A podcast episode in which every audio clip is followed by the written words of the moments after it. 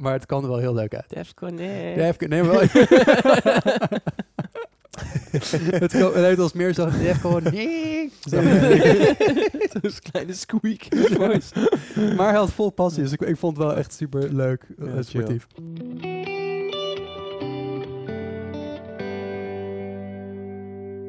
Welkom allemaal bij aflevering 5 van de Hybrids podcast. Frank kijkt mij heel eng aan. Is het aflevering Vijf. 5? Volgens mij is het echt aflevering Bijna 5. op de helft. Eh, de podcast waarin de drie broertjes Palokai door onze oma uit Kosovo gedubt, de Hybrids, eh, het hebben over alles wat ons bezighoudt. En dat is erg veel crypto, health en ondernemerschap eh, related.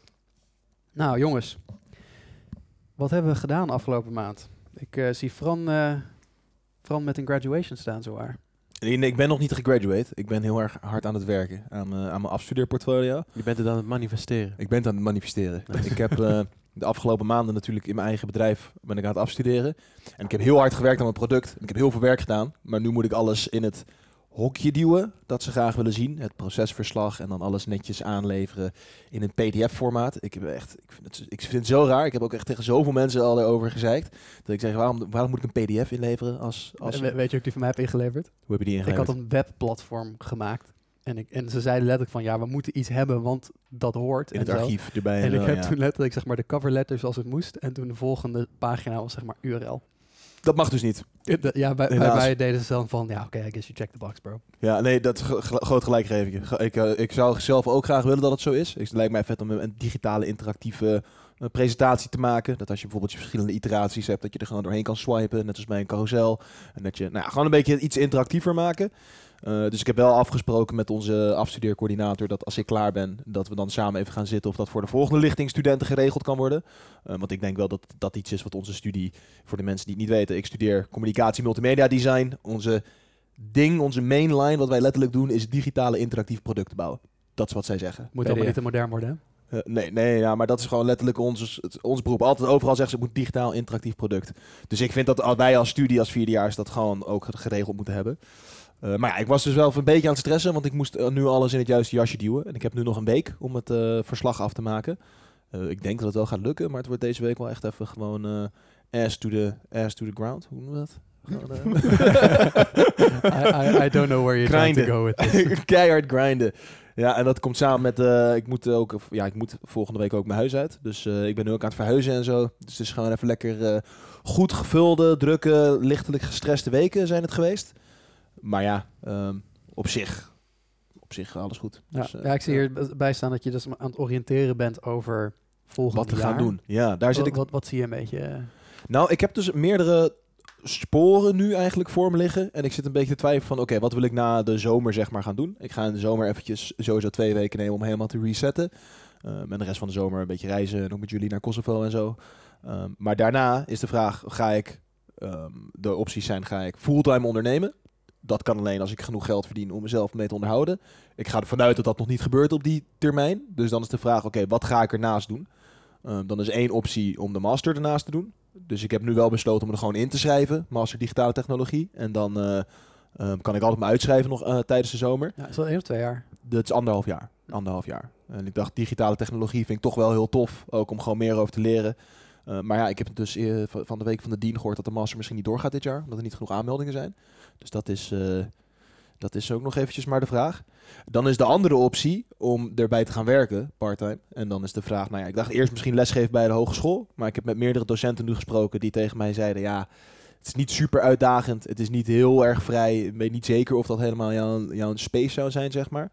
Ehm, en de andere opties zijn, daar had ik met Mico ook gisteren in de, in de bus over, om bij Tulio, bij hun marketingbureau, wat eh, te gaan doen. Hun blockchain marketingbureau. Die heeft mij de afgelopen drie maanden echt de hele tijd lopen spammen als ik hem zie van, hey, kom bij ons werken, kom bij ons werken. Dus ik dacht de hele tijd, ja, tranquilo, ik heb nu nog geen tijd. Dus dat is een optie. Ehm, en ik heb ook een baan aangeboden gekregen van de week eh, eh, bij een ander bedrijf in Groningen, wat, bij, van mijn oude stagebegeleider. En dat gaat wat meer over contentcreatie en dergelijke. Dus dat zou ook nog een optie kunnen zijn. Hm. Ehm, of iets in de, eh, in de effective altruism movement doen. Dat vind ik ook heel interessant. Dus ik dacht misschien gewoon een, een baan, gewoon echt wat meer carrièrepad kiezen waar gewoon impact, effective altruism stijl eh, centraal staat. Het zijn gewoon heel veel opties. Er zijn gewoon heel veel toffe dingen. En ik zit nu echt een beetje van, oké, eigenlijk is het luxe positie. Ik kan heel veel kanten op. Ik heb nu een goede skillset gebouwd, goed netwerk gebouwd. Dus in principe ben ik wat waard. Maar waar wil ik mijn tijd en energie in stoppen? Ja. Dat is eigenlijk een beetje de belangrijkste vraag. Nou, ik kan in ieder geval zeggen, ik weet niet of jij het daarmee eens zou zijn, Mikkel, maar het is niet alsof je een huwelijkscontract tekent. Dus als je iets begint, dan kan je ook na zes maanden zeggen, "Mwah, nee, toch niet. Dat is waar. Maar ja, kijk, je leeft, eh, laten we zeggen, 100 jaar als we het een beetje goed doen. En je hebt dan eh 200 keer zes maanden. Dus het is, kijk, zes maanden is niet gigantisch. Maar ik vind het wel chill om gewoon een, een- de goede keuze te maken. En dat ik, eh, Ja, maar goed, dat weet je pas achteraf. Dus ja, dat is een beetje het ding. Ik denk dat je niet, niet te veel in je hoofd moet gaan zitten van, ja, maar ik moet nu de goede beslissing maken. Nee. Of zo. Nee, mijn strategie nu is dus ook eigenlijk gewoon... Ik, ik schrijf in ieder geval voor de master gewoon in. Want dat moet je op, voor, op mij natuurlijk doen. Maar dan ga ik in de zomer gewoon even lekker twee weken nemen... waarin ik dan eh een reversed eh, brainstorming en reversed reflection doe. aka gewoon helemaal geen ene fuckadoodle. En dan komt er vanzelf wel naar boven, meestal, wat ik wil doen. Ik ben nu toch veel te druk en te clouded om... Ja, dan ga, ga ik mezelf geforceerd een, een keuze laten maken. Ik denk dat als ik het gewoon even, even twee weken rust neem... en een beetje laat sedimenteren... dat er dan wel... Ja. hetgene naar voren komt dat ik wil doen. Dus op zich tof, op zich luxe positie, maar wel over aan nadenken van oké, hoe, eh, hoe ziet het aankomend jaar eruit? Nou, over chaos gesproken, Mikkel. DevConnect, Barça, KD. oh, zeg- ja, ik heb het Vitalik zelf horen zeggen. Ja, Ja? Hij, hij zat daar on stage en aan het eind hij zei op een gegeven moment van... Ja, nu moet het wel, hè? En toen zei hij echt op... Hij, hij heeft niet genoeg... Hij heeft net te veel awkwardness om het volle borst te doen. Maar het kan er wel heel leuk uit. Defconnect. Ja, even, nee, maar wel. het, heeft als meer zo... Defconnect. Zo. Zo'n kleine squeak. Maar hij had vol passie, dus ik, ik vond het wel echt super leuk, Ja, eh, chill. sportief. Maar anyway, sorry, ga vertel. ja, wat precies vertellen? De- Voor de mensen die het niet doorhebben, Miko is een klein beetje moe vandaag. Ehm Dev Connect, wat was jouw ervaring? Leuk. Was echt heel leuk. Ja. Ik heb uiteindelijk twee side events gedaan. En ik zou nog naar DeFi Day gaan op maandag. Maar we hadden ook een tripje naar Barça gepland. En eh, toen heb ik uiteindelijk besloten om niet te gaan. Om lekker in Barça te blijven. Dus Stijn is met Mark, Mark collega, gegaan. En zelf hebben we nog een side event georganiseerd. Nog een We World We zoals we die hebben gedoopt. Heel chill. Dat was echt heel leuk. Een eh, panel discussie, ehm, waaronder mentor in het panel. Bam. Plus eh, Rick van WorkX. En nog een andere meneer. Dat was op zich wel een grappig verhaal. Want ik was aan het denken... Nou, ik was op zoek nog naar, naar, naar panelleden. Dus voor de, ja, voor de duidelijkheid, het was een, eigenlijk een after-event. Dus vanaf vijf uur 's middags tot uurtje of acht volgens mij. Na afloop van de meeste quasi-main events van, van Dev Connect. Maar goed, er waren er ook natuurlijk superveel nog. S'avonds, waaronder de Rave, de R, R-Ave van AV. De Rave. De Rave. Bravo. Ja. Maar ehm, ja, in de quest naar, naar panelsprekers zag ik op Telegram bij volgens mij in de Crypto Kanaal, dat is zo'n Telegram groep die heel veel ging over, eh over DevConnect, zag ik een meneer voorbij komen met een enigszins Aziatische naam. En die zei van eh, super excited to eh, be hosting bla bla bla event. Daar ging ik dus ook iets, iets doen. En het was namens AMSDAO, AMS DAO. Dus ik dacht, ah, chill. Het is gewoon Amsterdam based. Die zijn iets met DAO's aan het doen. En ehm, een beetje de trant van ons panel was al een beetje DAO's. Mentor namens Onion DAO en Rick met WorkX, die hebben ook een DAO. Dus ik dacht, laat ik even inquire wat AmsDAO precies is. Dus ik stuurde hem een berichtje van, yo, you Amsterdam based? No. No, nee. Shanghai, but I'm mostly in California. Oh, maar die, die guy, maar niet de Amsterdam DAO. Nou, dat is dus niet de Amsterdam DAO. Het is gewoon random AMS. En ik dacht, dat moet wel Amsterdam DAO zijn. Maar dat was helemaal niet Amsterdam DAO. Het is de Asian Mr. Singapore. Chef. Chef. nee, het was dus de, de Amsterdam, wat, wat niet in Amsterdam was. Maar deze goed. dude was wel onderdeel van jullie panel. Nou ja, ik raakte toen dus een beetje met hem aan het praten. En ik zei, yo, ik organiseer ook een event. Ehm, wil je namens Amsterdam misschien daar in panel komen zitten? Dus ja, lijkt me leuk. Dacht, ah, chill. Nog, nog iemand erbij. Ik had de site gekeken van Amsterdam. En dat was, wat was ook weer precies? Volgens mij wouden ze een soort platform maken voor mensen om makkelijk een DAO up te spinnen. Er zijn wel meer mensen mee bezig, maar goed, dat is op zich natuurlijk geen probleem. Dus ik dacht, dan zit hij in ieder geval in Into DAO's. En toen dacht ik, perfect, geregeld, drie panelleden, de rest van het event opgezet. En toen, de dag van tevoren, dacht ik, ik ga nog even wat extra informatie over de speakers inwinnen. Om nog een leuke post te schrijven. En even gewoon goed, goed kijken wat iedereen allemaal precies gedaan heeft. En toen kwam ik erachter, heel Amsterdam stond er niet op, maar dat het enige partner is bij zo'n big-ass VC-fund uit Shanghai en early investor in ehm Seba Bank, een soort crypto-friendly bank. Dus eigenlijk best wel gewoon een, een nou ja, Dikke speler.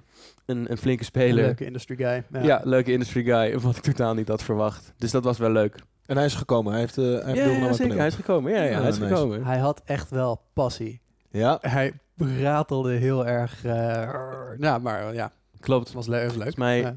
Volgens mij was het begin, Mentor zat met een flesje water en Rick zat met een flesje water en hij zat met een biertje. En toen kreeg hij de mic en zei, oh, I, I don't know if I know if I may, but I'm drinking a beer on stage, but that's okay here. zo, zo begon het ongeveer. Heerlijk. Toen moest ik toegeven Goud. dat ik een eh, bubbelwater gemixt met rode wijn in mijn flesje had zitten. Haha. Oh, sneaky de lange dagen van Def Connect doorkomen. Ja. Ja, nee, maar het was een heel leuk event. En, en de panel was ook echt leuk. Hoor. Ik had het ge gemoderate. En er was iets minder druk bezocht dan we dachten. Maar eh, Hoeveel man dat waren er? 30, 40, Zoiets. zoiets. Wat had je verwacht?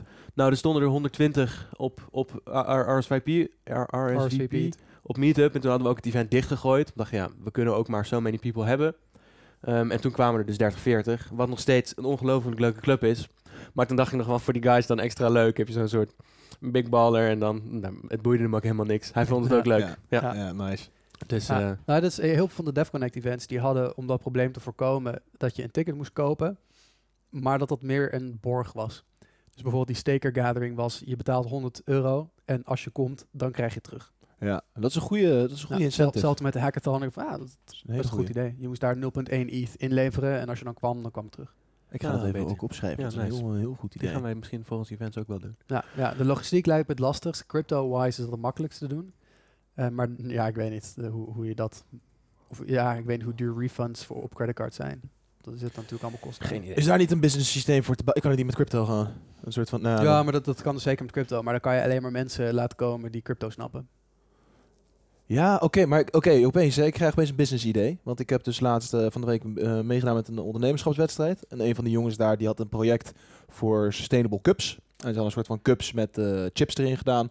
En als je dan bij een eh, horecagelegenheid een beker haalt, dan eh, betaal je 1 of 2 euro statiegeld voor die beker. En dan kan je bij andere horecagelegenheden of bakken die gewoon in het pa- park of in het, de stad staan, kan je gewoon teruggooien. En dan zodra die chip weer in de bak gaat, krijg je automatisch 2 euro terug. En hij zei dus, wij willen een pasje gebruiken, omdat voor de horeca, die willen geen extra geldstroom moeten doen met hun hele kassen. Dus dat is allemaal heel, complex. Zij zei, dus, we doen gewoon een pasje waar het erop gaat. Maar dat zou misschien wel een interessante business kunnen zijn, dat je zeg maar een, een, een pasje maakt met een betaalsysteem voor evenementen. Want ik hoor dus van de, bij de Hanze ook bijvoorbeeld, ze organiseren veel gratis evenementen waar geen mensen heen komen. Zij gewoon zegt, nou wij hebben hier gewoon dat systeem, mensen kunnen 5 euro eh, eh, overmaken en eh, vervolgens als ze daar komen kunnen ze met het pasje gewoon tikken en dan krijgen ze het weer Ja, terug. maar je, met creditcards heb je dit al. Je hebt holding Maar dan charges. betaal je de creditcard fees. Ja, maar ik weet niet of je betaalt voor holding charges. Geen idee. Dat is, dat is goed om te checken, want met, met creditcards is dit überhaupt een ding. Als je een auto gaat huren, dan zie je meteen dat die, weet ik wat, 800 euro op die creditcard zet. Maar dat is dan geen overbooking, maar een holding charge. Ja. Ja, want de fee is daar denk ik dan wel, wat dat, dat, dat zei, daar zei ook met die kopje, cupjes. Een van de redenen dat zij gewoon met eigen tokens of eigen dingen wilden werken, is dat je maar één keer ehm, de, de fees hoeft te betalen. En daarna zit het gewoon in je eigen ecosysteem. En dan kan je gewoon gratis de hele tijd eh, met zo'n met zo'n kaartje werken. Zoals die creditcard fees, dat zou dan zou misschien wel een interessante uh, business model kunnen zijn. Ja, leuk. Dat spinde gewoon even in mijn hoofd. Dus dat, Ja. eh, Chill. Op, ja, op ik nog ben voor. Ja, een, een kleine side note. Tijdens, eh, oma was ook jarig trouwens deze week. Ja. Of deze week, deze maand, afgelopen maand. Nogmaals gefeliciteerd oma. hey. En eh, traditioneel gaan we eigenlijk altijd met de hele familie naar de wok als oma jarig is. we hebben wat verschillende dingen geprobeerd. En we zijn erbij beland dat oma denkt dat de wok gewoon het makkelijkst is. Want dan kan iedereen wat lekkers eten en kan iedereen wat drinken. Ehm, dus we waren dit jaar weer bij de wok. En toen spraken we Daan. Daan is een van onze neefjes. Daan Hallo, van Haren. Daan. Hoi Hallo Daan. Daan, shout-out. Nou, kut, dat wou ik doen. jongen, jongen, jongen, jongen. Want ik had Daan beloofd. In de volgende podcast doen we een shout-out naar je. Dus shout-out naar Daan. Shout-out naar Daan. Yay. Shout-out naar Daan. Fran heeft het verneukt. Hey. Want Daan is een van onze trouwe luisteraars die tot nu toe alle podcasts heeft geluisterd. Ah, super vet. Dus, nogmaals shout-out Nice. naar Daan. Nice, nice. Waar, Namens waar, waar. Puk overigens zei op haar verjaardag afgelopen weekend. Ja, en toen zei Mikkel dat. Maar ik luister ook al die podcasts. Behalve de laatste paar minuten van de vorige. Die moet ik nog afmaken. En toen keek Milan extreem schuldig. Shout-out naar Puk. Hey. Nee, Ja. ja. mijn Puk luistert ook niet hoor, dus eh, no worries Milan. There we go. Ik It's vind nog steeds okay. lief. It's okay. Ehm, ik zie K-Day staan. Wat is? Kings Day. Kings Day? Kings Day, Oh, Koningsdag. Koningsdag. Ah, Ah. In het was inderdaad Koningsdag, ja. ja. Ik, eh, ik Maar dat is meer in, in, in, in de soort line, line van het verhaal. Dat het begin van de maand was vet druk met events van, eh, van Def Connect. Ben ik naar Barcelona gegaan, kwam terug van Barcelona, meteen de volgende dag Kings Day. En, in, en best wel een paar keer wat later gemaakt in Barcelona, met Kings Day ook. Dus daarna was ik een beetje toe, toe aan recovery. En ehm, toen eigenlijk eh, sloeg de Terra Case in als een bom. Ja. Zullen we daar nu, nu meteen in duiken of wil je die zo pakken? Nee, doe maar zo meteen. Ja, ik bij- dus nog even mentaal bijkomen. voorbereiden. bijkomen. Ja, ja, ja. nou, ik kan gelijk mijn Dev Connect doorpakken. Ehm, ik heb ook erg genoten van Dev Connect. Ik was daar vooral in eerste instantie voor die staking gathering. Dus ik ben heel actief eh, in de Rocket Pool community. Waar dat draait allemaal om Ethereum staking. En die mensen die kwamen natuurlijk allemaal naar Dev Connect. En specifiek was er dus in het, hoe heet dat gebouw? Felix Martis, Martis iets. Ja, het is- zo'n zeg maar grachtenpand-unit van, van een paar verdiepingen die vaak als event venue wordt gebruikt. Hele ding, drie dagen lang, alleen maar ether staking. All my, all my geeks were there. Het was echt fantastisch. Heb je Ehm, Vitalik ontmoet? Eh, nee, de Vitalik, die, die, die is dus niet zozeer specifiek in de staking. Dus Vitalik heb ik gezien op die, die coworking unit aan het begin van de hackathon. Maar heb je hem ook even de hand geschud ontmoet of alleen in de nee, nee, ik bedoel, die, die, die guy, die, ik bedoel, die wordt natuurlijk belaagd. Ik, Ja. ik- dat, dat- eh, daar wil ik niet aan, aan toevoegen. Wat ik wel had, zeg maar, ik ben, Vitalik is leuk. Maar ik ben een complete fanboy van die Rocket Pool mensen. dus die heb ik zeker. Die heb ik echt meerdere keren gewoon een uur staan, staan babbelen met hun op die staking gathering. En ik voelde me echt compleet gevalideerd. Want tijdens het eerste event, zeg maar, ik zie hun daar staan en ik herken hun, want profile pictures. Van de helft trouwens. Van de andere helft, zeg maar, van het groepje dacht ik, ja, of jullie zijn Rocket Pool of jullie zijn gewoon lui die hier zijn. En ik loop op hun af en je ziet een beetje in hun blik zo van, ah ja, conferentiemodus aan. Er komt iemand praten over Rocket Pool. Ik zeg, hoi, hoi, mentor. Ah, mentor! Toen werd ik wel even warm van binnen. Nice. Ehm, Mentor has been validated. ja, ja, ja. je bent je 32 ETH waard. yes, let's go. Ehm, ja, die, die waren daar gewoon... Ik bedoel, ik heb veel in die Discord gedaan. Ik heb open source meegeholpen en dingen. Maar het is toch heel anders als je die mensen dan fysiek ziet. En een paar waren echt compleet niet wat ik dacht. Er was één zo'n guy, Nick. En die heeft gewoon als profielfoto, zeg maar, iets van een abstract gekunstig dingetje. Die guy is... Hoe ga ik dit uitleggen? Zeg maar, net, net een kopje kleiner dan ik. Iets grijs haar, bril, jacked. Hij is echt compleet jacked. Maar zo'n rustige jacked. Hij was gewoon zeg maar zo'n introvert die daar gewoon stond jacked te zijn. Heerlijk. en dan in dat groepje ook, zeg maar, iedereen was aan het babbelen en hij stond daar gewoon een beetje. Compleet comfortabel. En als je hem iets vroeg, nou, dat vond hij leuk. Dan gaf hij antwoord. Maar voor de rest gewoon Nice. compleet chill. Jack, ja, hoe, hoe gaat het met je jetlag? Ja, ik heb eh, gezorgd dat ik eerst een gym had natuurlijk. Goed geworkt out, dus ik eh, voel me oké. Ja. Nice. Van, nice. Ja, kijk, dit soort mensen, die moeten, die moeten smart contracts schrijven. Dat snap ik. This is the right way. This is the way. Ehm, maar goed, ik heb heel erg eh, gefanboyd over, over hun. was allemaal heel leuk. En al die mensen in die Discord ontmoet. Want, zo, ik zie Mico een, een glaasje water drinken, maar dan zo schuin zijn mond in. zodat het niet tegen de microfoon komt. Heel goed. Smooth. Eh, nee, maar dus al die mensen uit die Discord. En, en het grappige is, ik ken dus al die, die avatars en die namen. Hoeveel zijn al die mensen? Is dat, hebben we het dan over een handje vol groepje of van over... eh, 30, 40 mensen toch wel? Oké. Dat was maar, op de, op de Rocket Pool Meetup. Dat was dus bij Waterkant. En dan hadden gewoon zeg maar drie, vier van die tafels. En dat zat gewoon vol met mensen. Ehm, en bij iedereen na het midden van het gesprek. Oh, Je bent die. Nice. En op een gegeven moment, mensen die introduceren zichzelf dan, hallo, mijn naam is Jeff. Eh, nou, dan ga je gesprek aan, wat leuk Jeff, eh, wat doe jij? En dingen. En op een gegeven moment dan, dan zegt iemand zoiets van, ja, ja, ja, want weet je, ja, want je had toen een keer de bericht gestuurd over die tool. En ik, Dat ben jij diegene die die hele, die, die hele tool in elkaar gezet heeft? Ja, ja, nee, ik ben insert avatar hier. Nice. Dat is al echt heel, heel vreemd. Om zeg maar physical reality en dan mensen die, die je alleen maar kent als, als online avatars. Voerproefje voor de toekomst dit. Ja, nou, het, het, het, het leuke is, eh, ja, COVID helpt natuurlijk ook niet mee, maar sowieso was dit compleet online. Ehm, en er is ook geen occasion waar je elkaar in een videocall ziet of zo. Ja. Eh, ik ben een paar keer dan op van die streaming calls geweest dat mensen mijn gezicht hebben gezien. Dus dan heb je nog het confusing, te, zeg maar, dat iemand dan wel jouw gezicht kent, maar jij die van hun niet. Ja. Maar goed, anyway, dus ik heb heel erg genoten van DevConnect. DevConnect. En ehm, daar is nog een grappig verhaaltje aan. DevConnect eindigde in een hackathon van ETH Amsterdam. Dat was drie dagen lang. Ehm, en nou goed, drie dagen groot woord. Zo'n vrijdagavond begon het en zondagochtend moest je inleveren. Dus eigenlijk was het 24 uur, plus minus. Ehm, en op zo'n hackathon dan komen er allemaal sponsors. Dat zijn allemaal, allemaal crypto projecten. En die zeggen, als je met ons ding bouwt en je bouwt iets cools, dan krijg je de top zoveel, krijg je geld. Of tokens of whatever. Eh, en dacht van, nou, ik wil wel een tooltje bouwen met eh, EPNS, de Ethereum Push Notification Service. Eh, en die, eh, die hebben dan een, een systeem waar je push notificaties kan sturen naar wallet adressen. En als jij of hun app hebt geïnstalleerd, waar je dan je wallet hebt ingelogd, of je zit bijvoorbeeld op Uniswap en die hebben EPNS geïntegreerd, dan kan je daar notificaties zien. Het is allemaal super cool, opt-in, whatever. Ehm, ik dacht, ik maak een systeem waar Ethereum validators elke dag een notificatie krijgen met hoeveel ETH jouw validators gisteren hebben eh, verdiend. Gewoon leuk. Nou, 24 uur bezig geweest. Ik heb er echt ach- eh, achter zo'n standing unit gestaan. Hele dag niet bewogen. Volg, volgende dag had mijn nek echt pijn. Want ik heb het niet gestretched. Eh, maar ik ben zowaar echt duizend euro kwijtgeraakt die dag. Duizenden. Duizend, niet duizend, duizend. Ehm, wat je namelijk moet doen om je notificaties te sturen, je moet een wallet op je infrastructuur hebben draaien. Dus ik had gewoon een backend infrastructuur die praat met een paar API's om te kijken, goh, hoeveel Ether is er verdiend.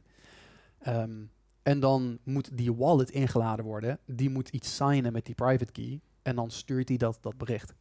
Nou, is op zich niet gek om te doen. Dat, dat laat je dan eh, voor de geeks out there. Zeg maar, dit, je, je zet die key niet in een bestand, maar in een environment variable. Dat is een soort van encrypted plekje. En je laat het dan zeg maar in working memory in, maar het staat nergens.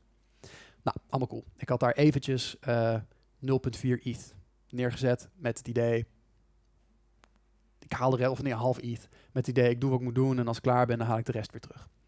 Ehm, en ik heb mijn hele ding afgebouwd. Alles doet het. En ik push mijn code naar GitHub. Oké, klaar. Ik ga, ik, ga, ik ga douchen. En opeens is 0.4 ETH moved van die wallet. Is gone. Denk, wat is dit? Dus ik kijk op Etherscan welke wallet daar naartoe is gegaan. Een of andere random wallet die ooit die niks heeft gedaan behalve een of andere afstandse token ooit een keer ergens getrade heeft. Maar ja, is dat die EPNS? Zeg maar, hebben die daar zeg maar een soort van gekke, gekke wallet of zo? Dus ik naar hun toe van, hé hey jongens, what's gebeurd? Eh nou, ik sta ook een beetje licht in de stress van, hebben zij een leak of whatever? Het was inmiddels negen uur s avonds. Zij waren ook helemaal gefrituurd. Ik was ook helemaal gefrituurd. Zij kwamen overvliegen uit India, dus waren ook helemaal jetlagged. Eh, en ik dacht echt van, is, is mijn laptop helemaal compromised? Like, how screwed am I? Zeg maar, ja. Nou, uiteindelijk naar huis gegaan, want ja, ik was echt kapot. Sta onder de douche. Denk, ik heb aan het begin van de dag die variables in environment variables ingeladen. Daar is ooit een keer een debug log ergens gecommit in mijn commit tree. En debug logs die zouden harmless moeten zijn. Ik had een per ongeluk gecommit. Ik dacht, ah, fuck it, die heb ik toen weer uitgehaald. Heeft daar echt, zeg maar echt een halve, een paar seconden in die commit gestaan. Maar het zou toch niet zo zijn, hè? Dat in de commit log die environment variables stonden. Daar stonden ze wel. Dus op het moment dat ik gepusht heb, stond er ergens diep in mijn commit history mijn private key. En een of andere, ik heb er gewoon bijna respect voor, snel die deed. Een of andere random bot die heeft dat zien langskomen, die private key gepakt, hoppa, tjak. En eh, mijn eh, shit eh, gepakt. Ik wil zeggen dat dat ook gewoon gevonden wordt. Ja. Holy shit. Niet, niet eens in een van de bestanden. Dat is echt zeg maar diep ergens in de commit history. Ik denk, nou, wauw. Ja, damn. Nou, dus ik heb ook eh 1000 euro gewonnen op die, op die hackathon. Dus ik zat precies even. Nou, na de crypto crash van deze week kan je het argument maken dat ik geld heb gewonnen erop. Want die ETH die is nu al 500 euro waard. En ik heb gisteren 1000 USDC gekregen van ze. dus hey, ik eh, spin het naar mezelf als een winst van 500, eh 500 euro. Eh, let's go. En de dollar doet het ook nog goed. Dus eh, de USDC is nog meer... Ja, kijk, dat is, I counted the win. Ja. maar wel maar goed, dus dat was nogal, nogal een experience. Ehm, Mag ik even een beetje advies dan over, als we het over staking hebben? breng het. Ehm, is het handig om mijn Binance Ether om te ruilen voor normale Ether? En dat dan te steken op Rocketpool? Heb je, is Binance Ether de een losse. Ether? Of is dat Ether die op, een Binance, op Binance staat? Het is Beth. Het Ah. staked Ether. Ik heb staked Ether op Binance staan en volgens mij is die ratio iets van 0,96. Dus één Ether is... Nee, sorry, één Beth is 0,96 Ether. Ja, dat maakt niet zoveel uit. Wat uitmaakt is hoeveel percentage zij nemen en of je Binance vertrouwt. Nou ja, dat zit ik dus een beetje op zich vertrouw ik Binance wel. Want ik heb toen een keer met Mikkel dat op aanraden. Zei van ja, dan op Binance dan farmt hij gewoon lekker. Of dan steekt hij gewoon lekker. Dan krijg je Mhm. lekker binnen. En eh, toen, toen dacht jij nog dat we in januari gingen merge of zo. Ze zei tegen mij van ja, de hold je dat. En dan kan je dat in januari uitcashen. heb je snelle profit. Maar ja, merge... eh, hij, hij is nu op augustus geblikt. is nu op augustus. Ja, precies. Dus ik dan, is, is het dan handig om gewoon nog te wachten? Of zou je zeggen, fuck it, ga gewoon in Rocket Pool en eh, forget about it. Nou, ik bedoel, die Rocket Pool R-ETH doet hetzelfde als die BN-ETH. Ik, denk- ik denk dat BN-ETH is of BETH, whatever. Ehm, maar de vraag is, hoeveel percentage neemt Binance op jouw eh ETH-winnings? Ik gok 20% of zo. Eh, Dat zou mijn gokje zijn. Rocket Pool is eh, 15. Ja, goed, het zijn incremental gains. Ja. Ik, ik zou me daar niet heel veel zorgen over maken. Uiteindelijk ben ik natuurlijk gewoon een groot fan van, van de R-ETH-token. maar ik bedoel, het gaat hier, gok ik, niet om eh, een kleine hypotheek. Nee. Dus Nee. ja, I wouldn't worry about it. Oké, kijk. Real-time advice. Real-time advice. Ja, Plus, als je nu... Want zou je dan RETH tokens kopen of zou Ja. je zelf... En wat is de ratio tussen RETH ETH? eh, dat, dat maakt niet zoveel uit. Want je koopt gewoon, zeg maar, je waarde aan R-ETH. En die R- R-ETH is niet zoals Lido's ST-ETH. Dus je krijgt geen rebasing tokens erbij. Maar dat token, dat verandert in value. Klinkt ernaar dat Binance hetzelfde doet. Nee, want die Binance Ether, die kan ik op- na de merge gewoon één op één inruilen voor Ether. Ah, oké, dus dat is één op één. Dus maar gaat dus jouw, als ik het goed heb begrepen, is dat gaat gewoon één op één eh, na de merge. gaat jouw counter omhoog? Zeg Ja, maar, ik je, krijg je steeds krijgt meer ja, beth. Ik krijg een beetje Ah, bet erbij. En de bet kan ik dus later dan één op één inruilen. Ja. Dus vandaar dat die ratio... Ik heb toen ook voor 0,92 ingekocht, geloof ik, per stuk. Ah, ja. nee, dan snap ik wat Ja. je bedoelt met die ratio. Dus hij heeft een discount. Ja, ja, ik heb met discount ingekocht toen. Eh, nu is die discount een stuk Ah. lager. Dus ik vroeg me af van, is het handig om voor het laatste beetje discount nog te wachten? Hoe erg is die? Dus even voor de mensen thuis. Ehm, zeg maar, we hebben 1 euro in echte euro's en 1 euro die bij Binance staat. En je kon op een gegeven moment voor 1 echte euro kon je, omdat bij Binance die maar een halve euro waard was, kon je voor 1 euro 2 euro's kopen. Ja, zeg maar. ja, ja, ja. En daar de ratio was dan zeg maar 0,92 echte euro's. Dus 92 eurocent voor één Binance euro. En nu is die? Eh, 96. Ja, goed. Ik bedoel, dat, dat zou ik gewoon lekker wachten tot merge. Ja, en Dan dan heb je gewoon op in, in, één klap weer hoppa, 4% erbij. Dat, ja, het, is- het is prima. Merge it is. Ja. Augustus 2024, let's go. Ja. is nog wel Don't jinx it. is nog wel een sneaky trucje van Binance trouwens. Als je die Beth uit je spot wallet haalt, dan krijg je geen rewards meer. oh. En dan zijn alle rewards voor Bassie. Wat dan natuurlijk Chao, Chao Jinping is. A.k.a. de CEO van Binance. Nee, Xi Jinping, dat is, van, dat is de Chinese premierunit. Is dat zo? Dit is toch... Xi Jinping wel, maar jij ja. zei Chao Chongping. Het zijn achternaam is Hij is Zhao. toch iets van. Zhao, ja. Ja, Zizi, ja. ja Zhao. Zhao. Maar ik weet de voornaam nu even niet. Maar er is, Chang- geen- er, is Chang geen, er Zhao? is geen ping bij gemoeid. Nee, er is geen ping bij gemoeid. Nee, dat was dan mijn automatische... ja, nee, ik denk. China, dat eh, klinkt als China. Klinkt als China. Ehm, Maar anyway. ehm, dus DevConnect was nice. Van genoten, geld verdiend, geld verloren, veel relaties gebouwd. Dat was allemaal cool. Relaties verloren. Gelukkig niet, gelukkig niet. Ehm, nou, en het eh, andere waar ik wel enthousiast over was deze maand is... eh, ik heb mijn eigen broek gemaakt. Ik zit er nu in. Het heeft 2,5 maand geduurd. Ik, heb die, die- ik heb volg eh, elke maandag nog steeds een naaicursus met eh, eh, wat dames op leeftijd waar ik het erg goed mee kan vinden. Het is eh, heerlijk. Je zit ook op cursus ervoor. Ja joh. Oh, dat wist ik helemaal niet. Ja joh, ik, ga, ik zit eh, 2,5 uur maandagochtend. Oh, wist ik veel. Let's Dit go. soort dingen heb je me nooit verteld. Voilà. Nou, Kijk, ik heb die, ik, waarom ik die broek zo goed is. Ik denk al, hoe heb jij zo'n mooie broek gemaakt? Nee, ja, nee, ik, ik heb, nee, dat was echt. eh, ik, heb, ik heb daar hele, ik volg hele cursus. eh, ik weet niet hoe een naaimachine Ah, werkt. Ik heb de stof zelf ah. uitgekozen. Ik heb De naaikamer van mevrouw Ik heb ge, genaaid.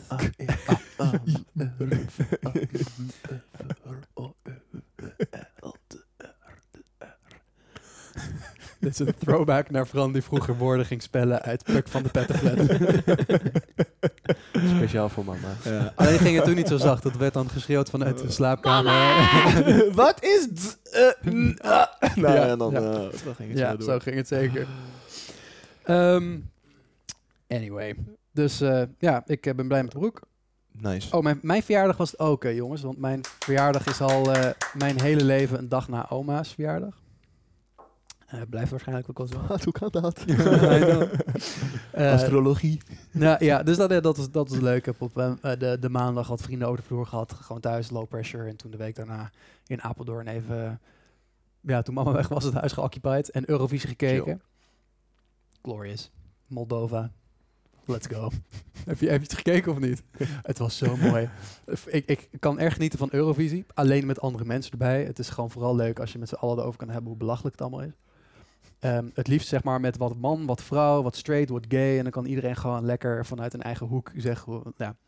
Eh, ze hadden heel veel van die ballads. Zeg maar nadat Duncan had gewonnen. Die had natuurlijk zo'n heel erg... een- allemaal cool, goede muziek. Vind ik niet erg Eurovisie. Maar veel landen zagen dat en dachten... We can do this. Moet ik ook doen. Dus het was allemaal een beetje te serieus. En toen kwam Moldova. En die kwamen erop en dan kwam al een guy met vaag kostuum. Een guy met een accordeon. Een guy met een viool. Een DJ. En het was belachelijk. Het was heerlijk. het liedje heette ook Folklore en Rock and Roll. En de whole thing started. En toen was het gewoon... Ik ga het zo meteen laten luisteren. Het ging echt in één keer gewoon... Los, eh, het was mooi. Ik zal, zet de copyright op, denk je? Ik zou dit niet in de stream doen, want er zit sowieso copyright op. Oké, dan ga ik het er niet in editen. editen. Zo- Maar jullie mensen, als je, als een mooi, mooi Eurovisie liedje wil eh, gooien, Moldova in, eh, in Spotify. Ehm, laten we gaan move naar de What's van deze maand. Oké, ik heb hier een mooie intro voor, jongens. Ik heb hier een mooie intro voor. Ja, komt-ie. Ja, het is nieuws. Het is crypto nieuws. En crypto is gewoon weg een revolutionaire techniek om langzaam en heel duur aanpassingen te brengen op de ledger. Op de ledger van de blockchain. Vanochtend in de douche geoefend. Oh, heel goed. Voor de mensen thuis, dit is een referentie naar het Nerdland Maandoverzicht. Een fantastische wetenschapspodcast in het Vlaams, die wij ten eerste kunnen Podcast at nerdland.be. BE. Geweldige aanrader, 100%. Ja. ja, ik denk dat jij de wat had, Miek? Jij hebt hem... eh, Ik heb een wat van deze maand. Nee, ja. ik denk, vond jouw eh, wat zo groot. Ik dacht, daar, moet, daar hoeft voor mij niks meer aan toegevoegd te worden. Look dat is echt... eh, what? Vertel, Terra. Terra. Terra. Nightmare, nightmare scenario come true. Voor de niet-crypto-fanaten. Ik weet niet of we daar veel van hebben, maar het is goed dat je het doet. USD, dat is ehm, Terra USD. En dat is een stablecoin. Dus nog even als recap. Een stablecoin is een crypto-munt equivalent van een fiat currency. Dus bijvoorbeeld een euro. Maar dan in plaats van of een muntje of een euro op jouw bank... bestaan er ook crypto-munten die dan, als het goed is, een euro waard zijn. Eén op één. Eén op één. Eh, dat hoop je inderdaad. En er zijn dan wat verschillende smaken, waaronder... En dat zijn de grootste custodial stablecoins. Dus dan heb je aanbieders die gewoon bijvoorbeeld een euro of een dollar innemen. Die hebben ze dan in, in kas, in kluis. En daar geven ze een digitale dollar of euro voor uit. USDT, Tether en, en USDC van Circle zijn daar de grootste van binnen crypto. Maar die zijn allemaal gecentraliseerd dan ook? Of, eh, ja, zeker. Ja, ja, ja. ja, ja, ja, Wat ja, trouwens ja. een leuke analogie is, ik weet niet of je het daar, daarmee eens bent, maar het is een beetje zoals festivalmuntjes, zeg maar 1 euro is één muntje.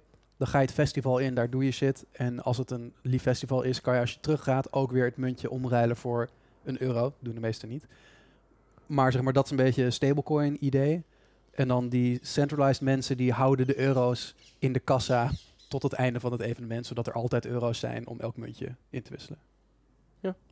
Leuk. Solid. Ja, solid. Ja. Ja. Om die analogie moeilijker te maken,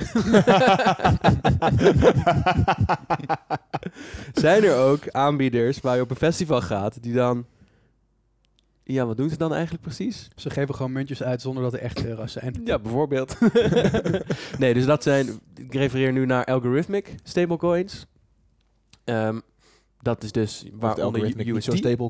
Wat zei je? De algorithmic niet zo stable coins. Kan ook. Het is, ja, kan ook. Ja, maar dat was dus USD en die werkte op een ander soort ehm, principe. Dus het was dan niet dat mensen dollars ergens naartoe sturen en digitale dollars terugkrijgen. Maar je kon on-chain, op de Terra-blockchain, kon je Luna verbranden. Dat was je dan kwijt en daar kreeg je de dollarwaarde voor terug in USD. Dus stel dat je één Luna had die 10 dollar waard was, dan kan je dat omruilen voor 10 USD. En in dat algoritme is 1 USD is altijd 1 dollar. En ehm, dat heet sen- se- se- senior age, volgens mij, zoiets. Nou, prima. Senior rich. ja, senior rich inderdaad. En waarom dat handig is, en dat is het hele fundament waarop die stablecoin gebaseerd is, is dat je dan arbitrage kan hebben. Dat als een USD bijvoorbeeld op 90 cent in de markt verhandeld wordt, dan kun je ervoor kiezen om USD van de markt te kopen voor 90 cent. Dan kun je bij op de Terra blockchain on-chain kan je dat omruilen voor Terra. Dus dan burn je. Oh, kan er allebei de kanten op. Ja, het gaat twee kanten op. Oké, ja. oké, Ja, check, dat is check. de, Ja. ja, Er dat, komt wel een sterretje bij zo, geloof ik. ja, dat is the essence of the story inderdaad. Je kan dan dus 90 USD cent, maar dat is dan eigenlijk één crypto munt USD die je gekocht hebt voor 90 cent. Die kan je dan burnen en dan krijg je dan 1 dollar worth of Luna voor terug. Dus dan heb je eigenlijk nou ja, 10 cent verdiend. Dan verkoop je die Luna op de markt om USD mee te kopen en dan blijf je dat dus doen.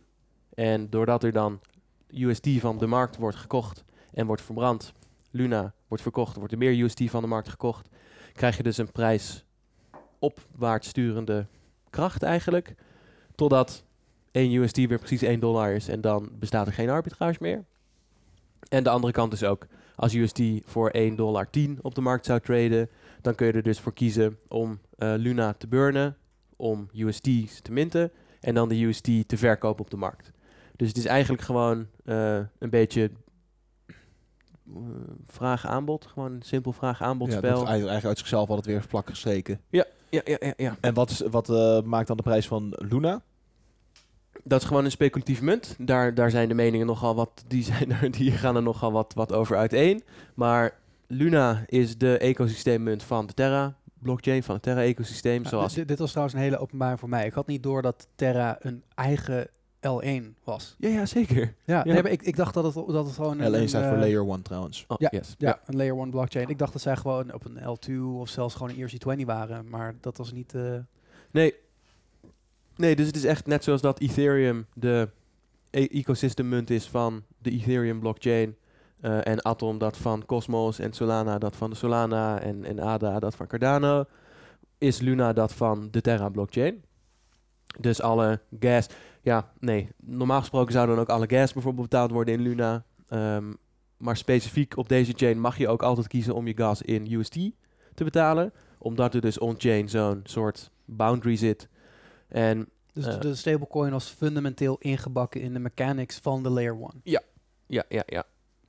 Exact. Exact. En hoe wordt de nieuwe Luna, Luna gemined? Gedeeltelijk dus door USD. Ehm, en verder... Jij vraagt naar het consensusmechanisme. nou ja, kijk, nee, ik bedoel meer van, eh, want je kan die Luna omruilen voor USD, maar die Luna moet dus ook op een bepaald er moet meer Luna in dat systeem komen op een bepaald moment. Of, eh, Hoe bedoel je? De- de- dat is dus een fundamenteel ding wat in de blockchain... oh nee, want die Luna, ze pakken natuurlijk gewoon de, de prijs van de Luna. Die Ja. wordt, en die prijs die baseren ze gewoon op eh, de beurs. Market price, ja. Market price, ja. Ah, zo. Ja, dus je zou eigenlijk in theorie dan kunnen hebben dat als ik nu een Luna heb van, eh, de, laten we zeggen, 50 euro. Ik ruil die in voor 50 USD en dan de morgen dropt de prijs van Luna naar 10 euro. En dan wissel ik het terug om, dan heb ik 5, 5 Luna. Ja. Dus op die manier kan er gewoon nieuwe Luna ontstaan binnen het netwerk. Ehm, de, de puur en alleen maar dat de prijs buiten het netwerk hoger en lager is. Dat, dat leidt ook tot... Wat er Dat is. precies, wat- precies waar het ook fout ging inderdaad, ja. ja. Maar om nog heel even af te ronden. ehm, die Terra blockchain is dus echt een eigen blockchain. En er waren best wel wat projecten ook op die blockchain. Een stuk DeFi, maar ook gewoon nou ja, NFT-projecten of, of andere projecten. Er waren gewoon bedrijven en mensen die bouwden op die blockchain. Maar het allerbelangrijkste component van die hele blockchain was dus die stablecoin USD. En die zat inderdaad echt fundamenteel ook ingebakken in het ecosysteem. En je zou bijna kunnen stellen dat Luna überhaupt bestond voor USD. Maar goed, dat, dat, dat weet ik dan niet. Ehm, en wat er is gebeurd, is eigenlijk volgens mij over het afgelopen jaar of zo... is Luna echt van, van 2 dollar naar 80 dollar gestegen. Dus het is nou, heel hard omhoog gegaan. Ehm, plus dat ehm, Anchor Protocol, dat was eigenlijk een leen-uitleenmarkt op de Terra. Die overigens heel aanwezig waren op DevConnect. Ik heb nog stickers van hun. Ja. En ik dacht, ik ben hier niet in ingelezen. Ik zag ook, oh ja, Anchor. Oh ja, dan moet ik eens een keertje gaan googlen. Ja, maar je dacht, nou, hm, ja, Ja, oké. ja, is maar goed dat ik dat niet... eh, Ja. Want bij Anchor kreeg je een stable deposit rate voor USD. Wat dat betekende dat je dus een USD, dus een digitale dollar, kon je bij hun gewoon daar in Anchor Protocol gooien. En daar kreeg je 19,5% APY op. Dat is best wel gewoon astronomisch veel. Dat is gewoon een spaarrekening met 20% rente. Ja, is gewoon een spaarrekening met 20% rente. Dus, nou ja, dat vonden mensen best wel juicy. En terwijl dat de prijs van Luna omhoog ging, gingen mensen dus USD minten door Luna te burnen op een relatief hoge prijs van Luna. Dus stel je dan in, stel dat je 10 Luna hebt, 80 dollar, dan heb je dus 800 dollar worth of Luna. Dat burn je, dan krijg je 800 USD, dat stop je in Anchor. En dan krijg je daar dus eh, nou ja, 20%, ren 20% rendement op per jaar. Ehm, maar als de prijs van Luna dan naar beneden gaat, dan krijg je dus een, een beetje het probleem. En daar, dat is waar het. Nou, er was een omloop van omstandigheden. Dat allereerst, want de hele cryptomarkt ging bad. Ehm, UST, er was al langer bekend dat de, de Luna Foundation die betaalde die 20% rente. En op een gegeven moment zat er echt heel veel geld in, in Anchor Protocol. Volgens mij meer, meer dan 8 miljard. En nou ja, reken maar uit, 20% van 8 miljard is 1,6 miljard. Wat je maar gewoon aan rente moet weggeven. Nou, even, even voor de niet-crypto mensen, hè, we verspreken ons hier niet. Dit gaat over 8 miljard. Ja. Zeg maar, wij zeggen niet per ongeluk miljoen miljard. Het is echt zo groot als dat je denkt. Had, he- Bizar. hebben, ha- hoe hadden zij überhaupt dat geld om te betalen, 20%? Ja, het is natuurlijk. Het is een crypto foundation. Ja, ik die hebben miljarden. Ja, ja, Ja, maar... Ik- ik- die hadden waarschijnlijk van de Luna Creation, hadden ze veel Luna of zo. Ja, en op een gegeven moment was Oh, de market betalen cap... ook gewoon in USD dan eh, terug. Ja, Ja, ja, ja. check, check, En de check. market cap van Luna was op een gegeven moment 80 miljard volgens mij. Ja, reken maar uit. Dus Ja. ze, hadden, ze, hadden, ze hadden wel dough, maar niet voor altijd. En toen er dus steeds meer geld in Anchor Protocol kwam, werd al best wel snel helder van deze yields zijn niet sustainable. Dus de yield op Anchor moet naar beneden. Dat hadden ze toen ook verteld dat ze dat gingen doen. Dus de yield op Anchor gaat naar beneden. Ongeveer rondom dezelfde tijd kwamen ook Tron en Near kwamen ook met stablecoins. En die dachten een so- soort gelijkachtig protocol. Allebei ook algo- algorithmic? Ja, allebei eh, op, op hetzelfde berust. Eh, maar de gist of the story is dus, in plaats van dat er eerst was er net inflow naar Anchor, was er toen een soort van voor het eerste moment dat mensen eigenlijk uit Anchor willen. En wat het dan betekent, als je uit Anchor gaat, wil je eigenlijk uit USD. Dus dat betekent van, er is dus een, een pot van 8 tot 10 miljard waar mensen nu in zitten die daar gewoon allemaal uit willen. Eh, en dat is dus niet per se goed voor de munt, want dan gaan mensen die munt verkopen. Of ze gaan het burnen voor Luna en de Luna verkopen. Ehm, dus er was een beetje onzekerheid over USD stablecoin en Anchor Protocol specifiek. En toen is er in een relatief kleine tijdsperiode zijn er een paar dingen gebeurd die ertoe hebben geleid dat er een Death Spiral event heeft plaatsgevonden. En een Death Spiral event in de case van zo'n soort stablecoin. Dat is dan dus eigenlijk, stel dat USD onder zijn pack komt, dus die gaat bijvoorbeeld naar 95 cent, dan willen de arbitrageurs, die willen dat terug arbitrage naar 1 dollar. Wat betekent, zoals net gezegd, je burnt dan de USD, je mint dan Luna en je verkoopt de Luna. Waardoor de Luna weer minder waard wordt. Precies, waardoor dus de Luna minder waard wordt. Ehm, maar er zit ook, en dat was dus een beetje een, een, een probleem, er zit een cap op hoeveel eh, USD er omgewisseld kan worden voor Luna. Plus, ehm, op een gegeven moment, die arbitrageurs, die dus die USD burnen voor Luna, de Luna verkopen voor USD, die moeten ergens die USD verkopen. Ehm, en de meeste liquiditeit van Terra Protocol zat in een curve pool. En daar zaten drie assets. In, in Curve kan je, in Curve Stable Swap, dat is, kan je drie assets in een, in een pool stoppen. En daar zat USDC, USD en volgens mij USDT zat daarin. En op een gegeven moment zat er alleen nog maar USD, USD zat erin. Dus er was geen liquiditeit voor de arbitrageurs om te arbitrage. De prijs van Luna ging naar beneden. Oké, even die, dat stuk nog even herhalen. Dus als ik het goed begrijp, heb je dan een liquidity pool met drie munten, wat ervoor zorgt dat als mensen iets willen wisselen met die munt, dat er altijd liquiditeit is. Dat altijd munten beschikbaar zijn. En in dit geval zou iemand normaal gesproken met USD gebruik maken van die pool. Om daar dan tijdelijk zijn USD in te stoppen en dat dan te wisselen voor een van die andere munten. Niet tijdelijk, dus gewoon Gewoon wisselen. permanent. Ik ga gewoon naar die pool toe. Ik zeg, hier heb je mijn USD. Ik wil die andere munten terug. Alleen alle andere munten zaten er niet meer in. Er Ja. zat alleen nog maar gewoon één ding in. Ja. Dus er viel eigenlijk niks te wisselen. Je, Precies. je, je hebt, je hebt de UST, die wil je verkopen. Je moet hem voor iets verkopen. En I'm guessing dat de meeste exchanges waar je naar fiat kan, bijvoorbeeld, niet UST accepteren. Jawel, jawel. Jawel? jawel ja. Wat, wat, wat is dan de mechaniek dat zij het wouden verkopen voor een andere stable en niet voor een andere asset? Nou, die arbitrageurs, dat gebeurt allemaal on-chain. Dus die executen alles in de curve pool. Maar zeg maar, de, de, de arbitragestap is, eh, je, je- gaat die Terra verkopen. Maar voor wat? Zeg maar, waar, waar- wat gebeurt er daarna? Wat wat is de end step van die arbitrage? Dat je Terra voor iets verkoopt en dan weer USD koopt. En dan dat dus weer gaat blijven doen. Ja, Ah, je oké, hebt maar we verkoopt hebben- Terra maar- gewoon aan de en persoon. Terra hebben, dan zeggen we USDT hier. Terra is de stablecoin. Nee, Nee. sorry, Luna. Luna. Oké, ja. Dus de, maar, dus, oké, maar die Luna, zit die Luna in die curve pool of zit de, de UST. UST? Maar waarom verkopen we de UST in die pool? Ik, ik probeer even het, het cirkeltje rond te, te, te zien. Ja, de, de- daar, daar zat dus een, een, een- een double-up, laat maar zeggen. Je wil, je wil een loopje wil je maken. Dus je wil eigenlijk UST onder de marktprijs wil je kopen. Ja. Dan wil je de UST burnen om Luna te minten. En daarna de Luna te verkopen voor USD. En dan de USD weer minten. Terug, ja, Nee, sorry, niet Ja, voor- ja. Nee, de, de Luna verkopen voor USDC met de USDC. Precies. USD weer onder de marktprijs kopen. Ja. De USD weer burnen. Luna minten, Luna voor iets verkopen. De USD onder de marktprijs kopen. Ja, en welke pool raakte hierdoor leeg? Nou, de curve pool was uiteindelijk helemaal leeg. En dat was de curve tussen de stables. Ja, ja, ja, ja, ja. Dat was de curve tussen de stables. Maar dat kwam er ook door omdat iedereen wou gewoon van zijn van USD af. En daar was dus gewoon niet meer genoeg liquiditeit voor. Er zat eerst, en dat is dus nog een beetje een ehm, niet zo prettige omloop van omstandigheden voor, voor Terra, laat maar zeggen. Ehm, er was het, het plan om die pool te upgraden, eigenlijk naar een nieuwe pool. Dus er was het grotendeel van de liquidity was uit de pool gehaald. Dus er zat eerst, nou, ik weet niet precies hoeveel, maar zeg even 800 miljoen liquiditeit zat er in de pool. Toen hebben ze liquiditeit eruit gehaald, zat er nog maar 300 in de pool. En toen begon eigenlijk het hele event te, te unravelen. En dus de 10 miljard, dus dat is niet miljoen, maar 10 miljard die uit Anchor Protocol moest, die kon hun USD niet verkopen.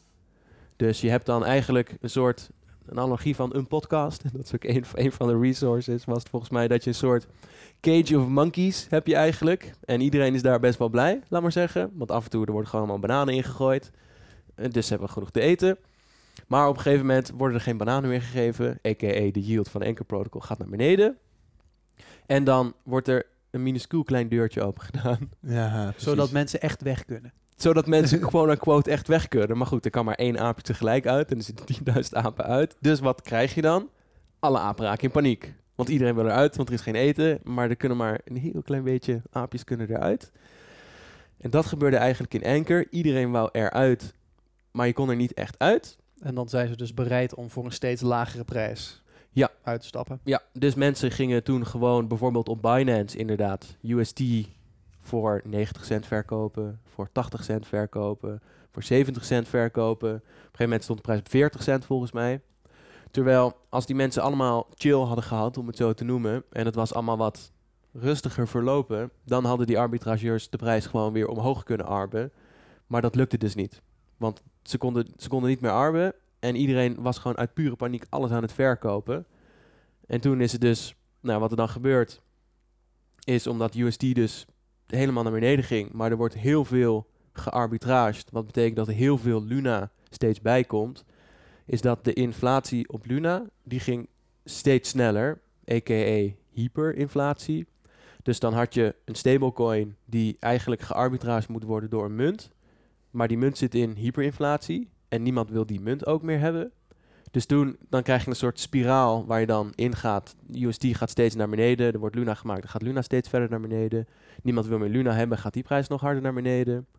En toen is in vier dagen volgens mij de prijs van Luna van iets van nou, 40 plus dollar naar 0,001 cent gegaan. Even voor lol, dan heb je dus over duizenden procenten. Nee, je kan niet minder dan 100% naar beneden. Hm, ja, nee, maar zo. Heel gaaf. Nee, maar als je zeg maar, als je, als je het zou willen terugverdienen, Terugverdienen. dan, dan zou je, zeg maar, de, de, zeg maar, hoe, hoe- als je, ja, dat, dat Het is een meer- duizendste van een procent. Ja, ik heb meer zo over de diepte van het gat dan het. eh, Ja. Ja.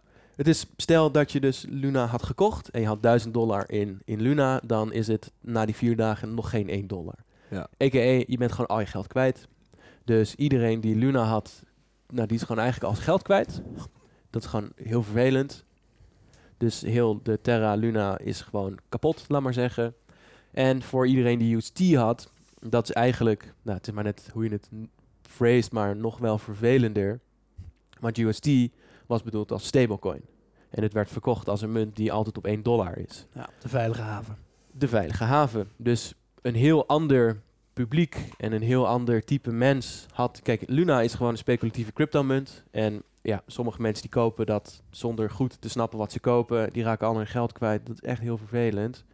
Ehm, maar goed, je belegt in een hoog risico asset. Ja, dus Je dat, wist het dat spelletje hoort wat je aan het erbij. spelen was. Hopelijk. Ja. Hopelijk wist je het spelletje. Ja, je had het spelletje moeten niet, weten. maar ja. Maar als jou iets verkocht wordt voor het is een digitale stabiele dollar, daar gebeurt niks mee. Ehm, en mensen die stappen daarop in en die raken al hun geld kwijt, dat is nog oneerlijker. Om Want het is dat te 18 noemen. miljard of zo in UST? Ja, Hoeveel? Ja, heel veel. Ja, ja, dus dat is ook wel als je als buitenstaander binnenkomt. eh, nou, zelfs als binnenstaander, als je binnenkomt, het, het, is, het, is, het lijkt gewoon super duper legit. Het lijkt super. Het was ook wel legit. Het is niet dat het niet legit was. Het was geen rugpool. Nee, maar legit ook gewoon in, in, de, in het fun- fundament van hoe het gebouwd is. Want blijkbaar zit er iets fundamenteel in dat het toch breek, kon breken.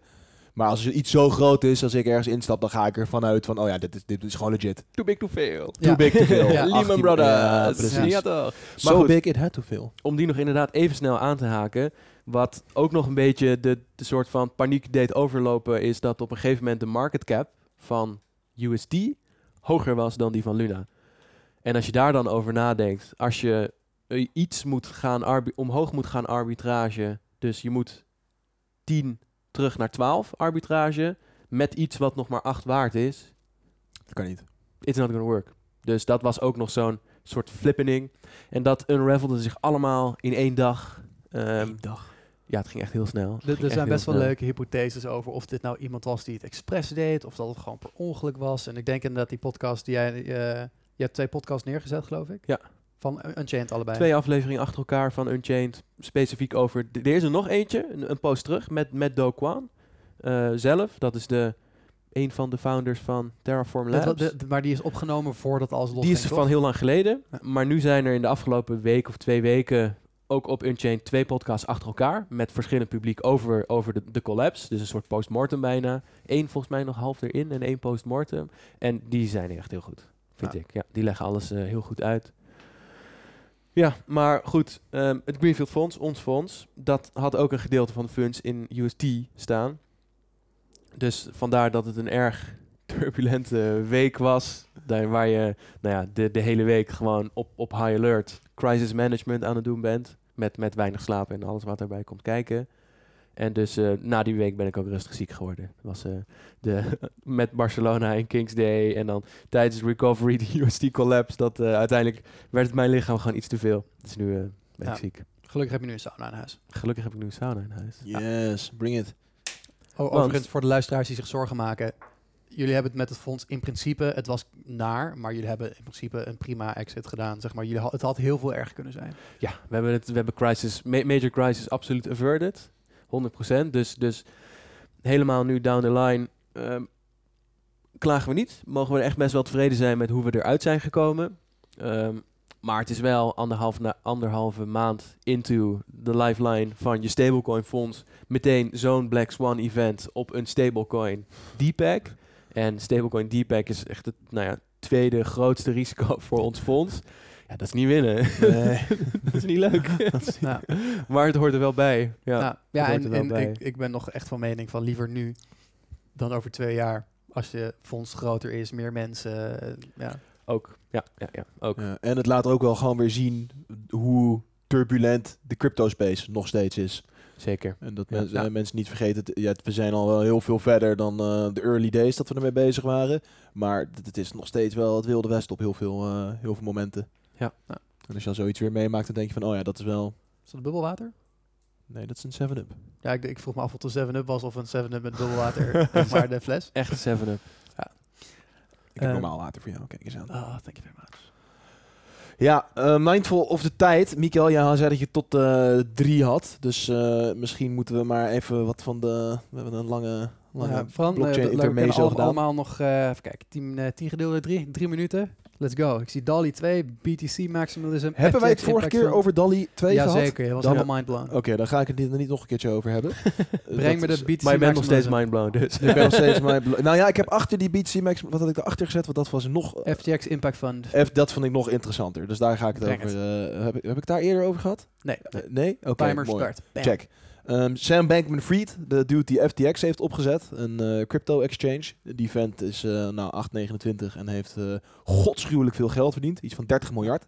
En ehm, hij ehm, heeft gepledged om een groot gedeelte van zijn inkomen in effective altruism te investeren. En effective altruism heb ik volgens mij wel, wel eerder over gehad.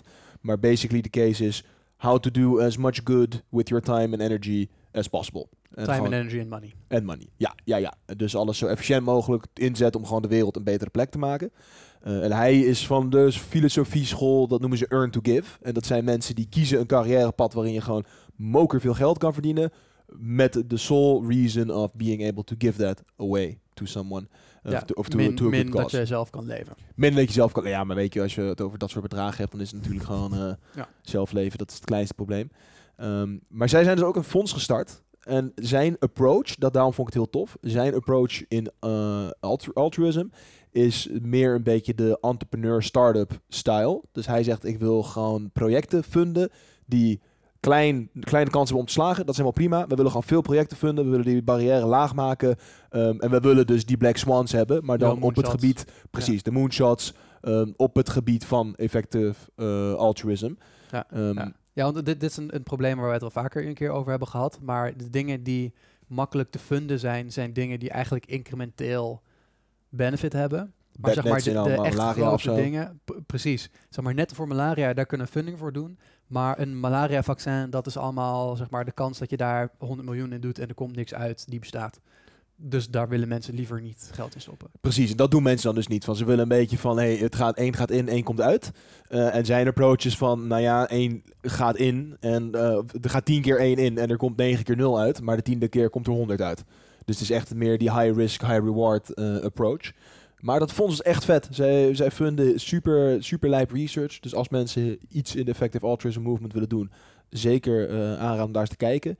En wat ik heel tof vond, het allerlaatste wat ze zeiden, wij funden ook mensen die ons proberen te ontkrachten. Dus zij zeiden, als jullie een Ja, project hebben van eh, wat gaat gaan kijken wat wij allemaal verkeerd doen en wat er allemaal mis is in onze filosofie en wat er allemaal mis is in onze uitvoering, dat zijn ook projecten die wij willen funden. Eh, dus ja, ze willen echt gewoon, van hoe ik het in ieder geval las en heb gehoord, echt gewoon zo effectief mogelijk goed doen. En, dat gaan, en dan, eh, de- het doel was volgens mij om eh, in de komende paar jaar een miljard per jaar, per jaar weg te geven Nice. aan, aan goede doelen. Of, dus aan effective altruism, eh, startups, causes, nou noem maar Ja. op. Zowel profit als non-profit ook, zeiden ze ook, van daar staan we ook helemaal Ja. voor open. Nou, call to action. Als iemand eh, een eh, gek moonshot idee heeft over iets waar de wereld gigantisch veel beter van zou kunnen worden, maar je kan er geen geld voor ophalen.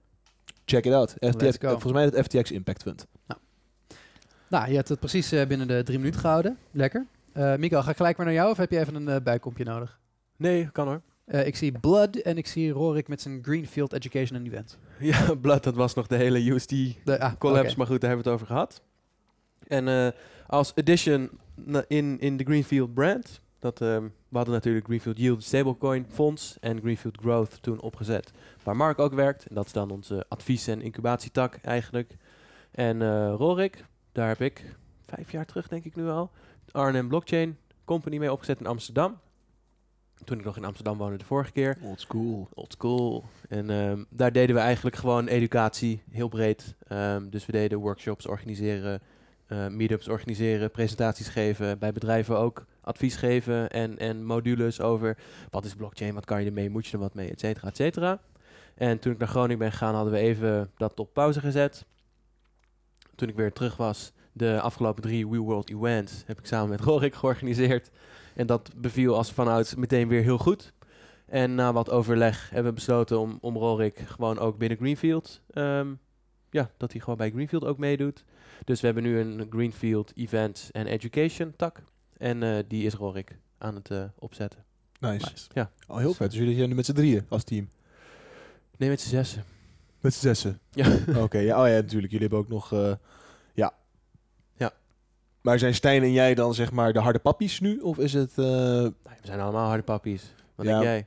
eh, maar in de zin van hoe doen jullie het met verdeling, met, eh, met de aandelen? Of hoe- je hoeft niet exacte nummers, maar hoe, hoe is het qua ownership? Is dat ook allemaal, wordt dat verspreid Oh, op zo? manier. Ja, we hebben dus ehm, Greenfield Yield, het fonds, daar zijn Stijn en ik 50% eigenaar, om het zo te noemen. Greenfield Growth, eh idem.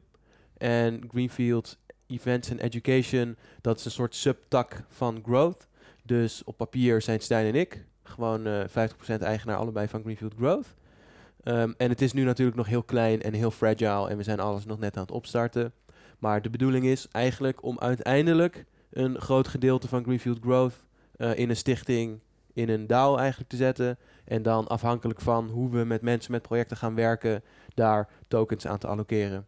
Ja. Maar dat is een work in progress. Ja. Ja. Het, check, het check, slechtste check. wat je kan doen in het begin van een project is je heel erg zorgen gaan maken over wie welke aandelen heeft, of nog slechter wie welke titels heeft. Ja. Dat is echt, als dat Eh. gebeurt, dan moet je echt wegrennen. Eh, titels, binder done that. Ja? Oef, Ja. Oh god, ja, dat is echt zo- zo'n red flag van mensen die het niet gaan, gaan halen.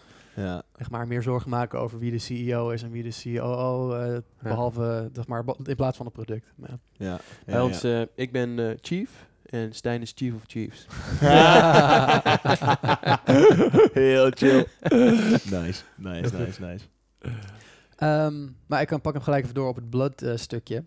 Eh, ik zat met eh Arjun en eh, Rutger bij Soho. We hadden even een, een kopje, kopje thee daarboven. Hallo Arjun, hallo Rutger. Shout-out. Shout-out. Eh, en, en die vroeg van, ja, goh, hey, hoe, eh, eh, like, wat weer van, de van de hele crypto crash? En ik vond de conclusie daarvan wel even leuk. Eh, om weer erbij te, zeggen, te, te, te zetten.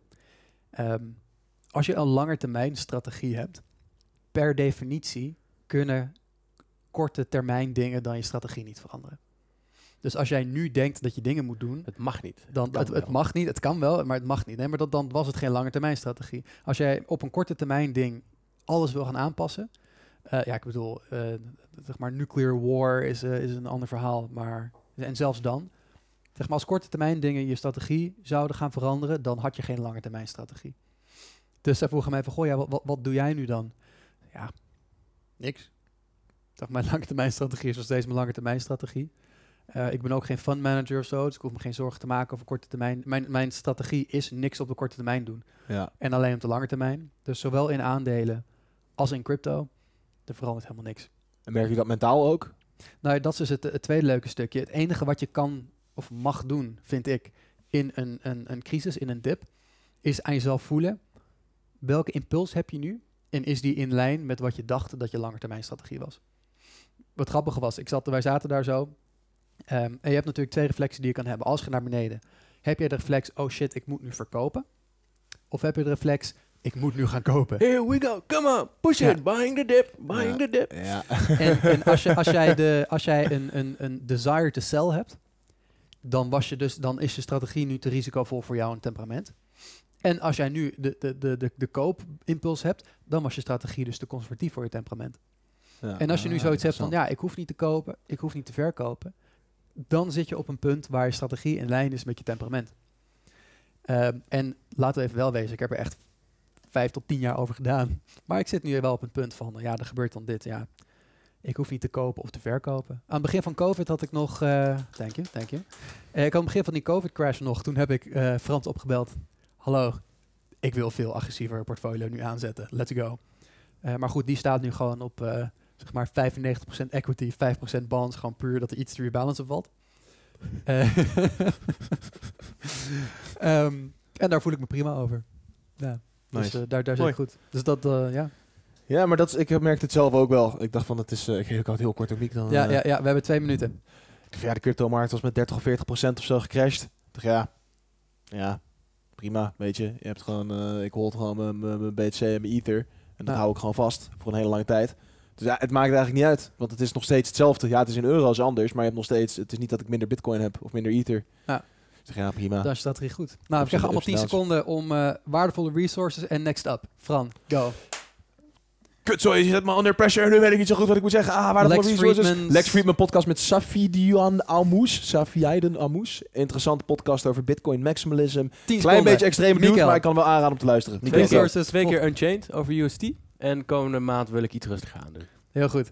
Mentor. Eh, mentor te- zeg niet wel mentor ons aan het pushen is om sneller te gaan. Ehm, Tim Ferriss, Donald Hoffman over consciousness. Fucking geweldig. Go listen to it. En we doen een health challenge met heel veel push-ups als je daar wil meedoen. Challenge at hybrids.fm. Awesome.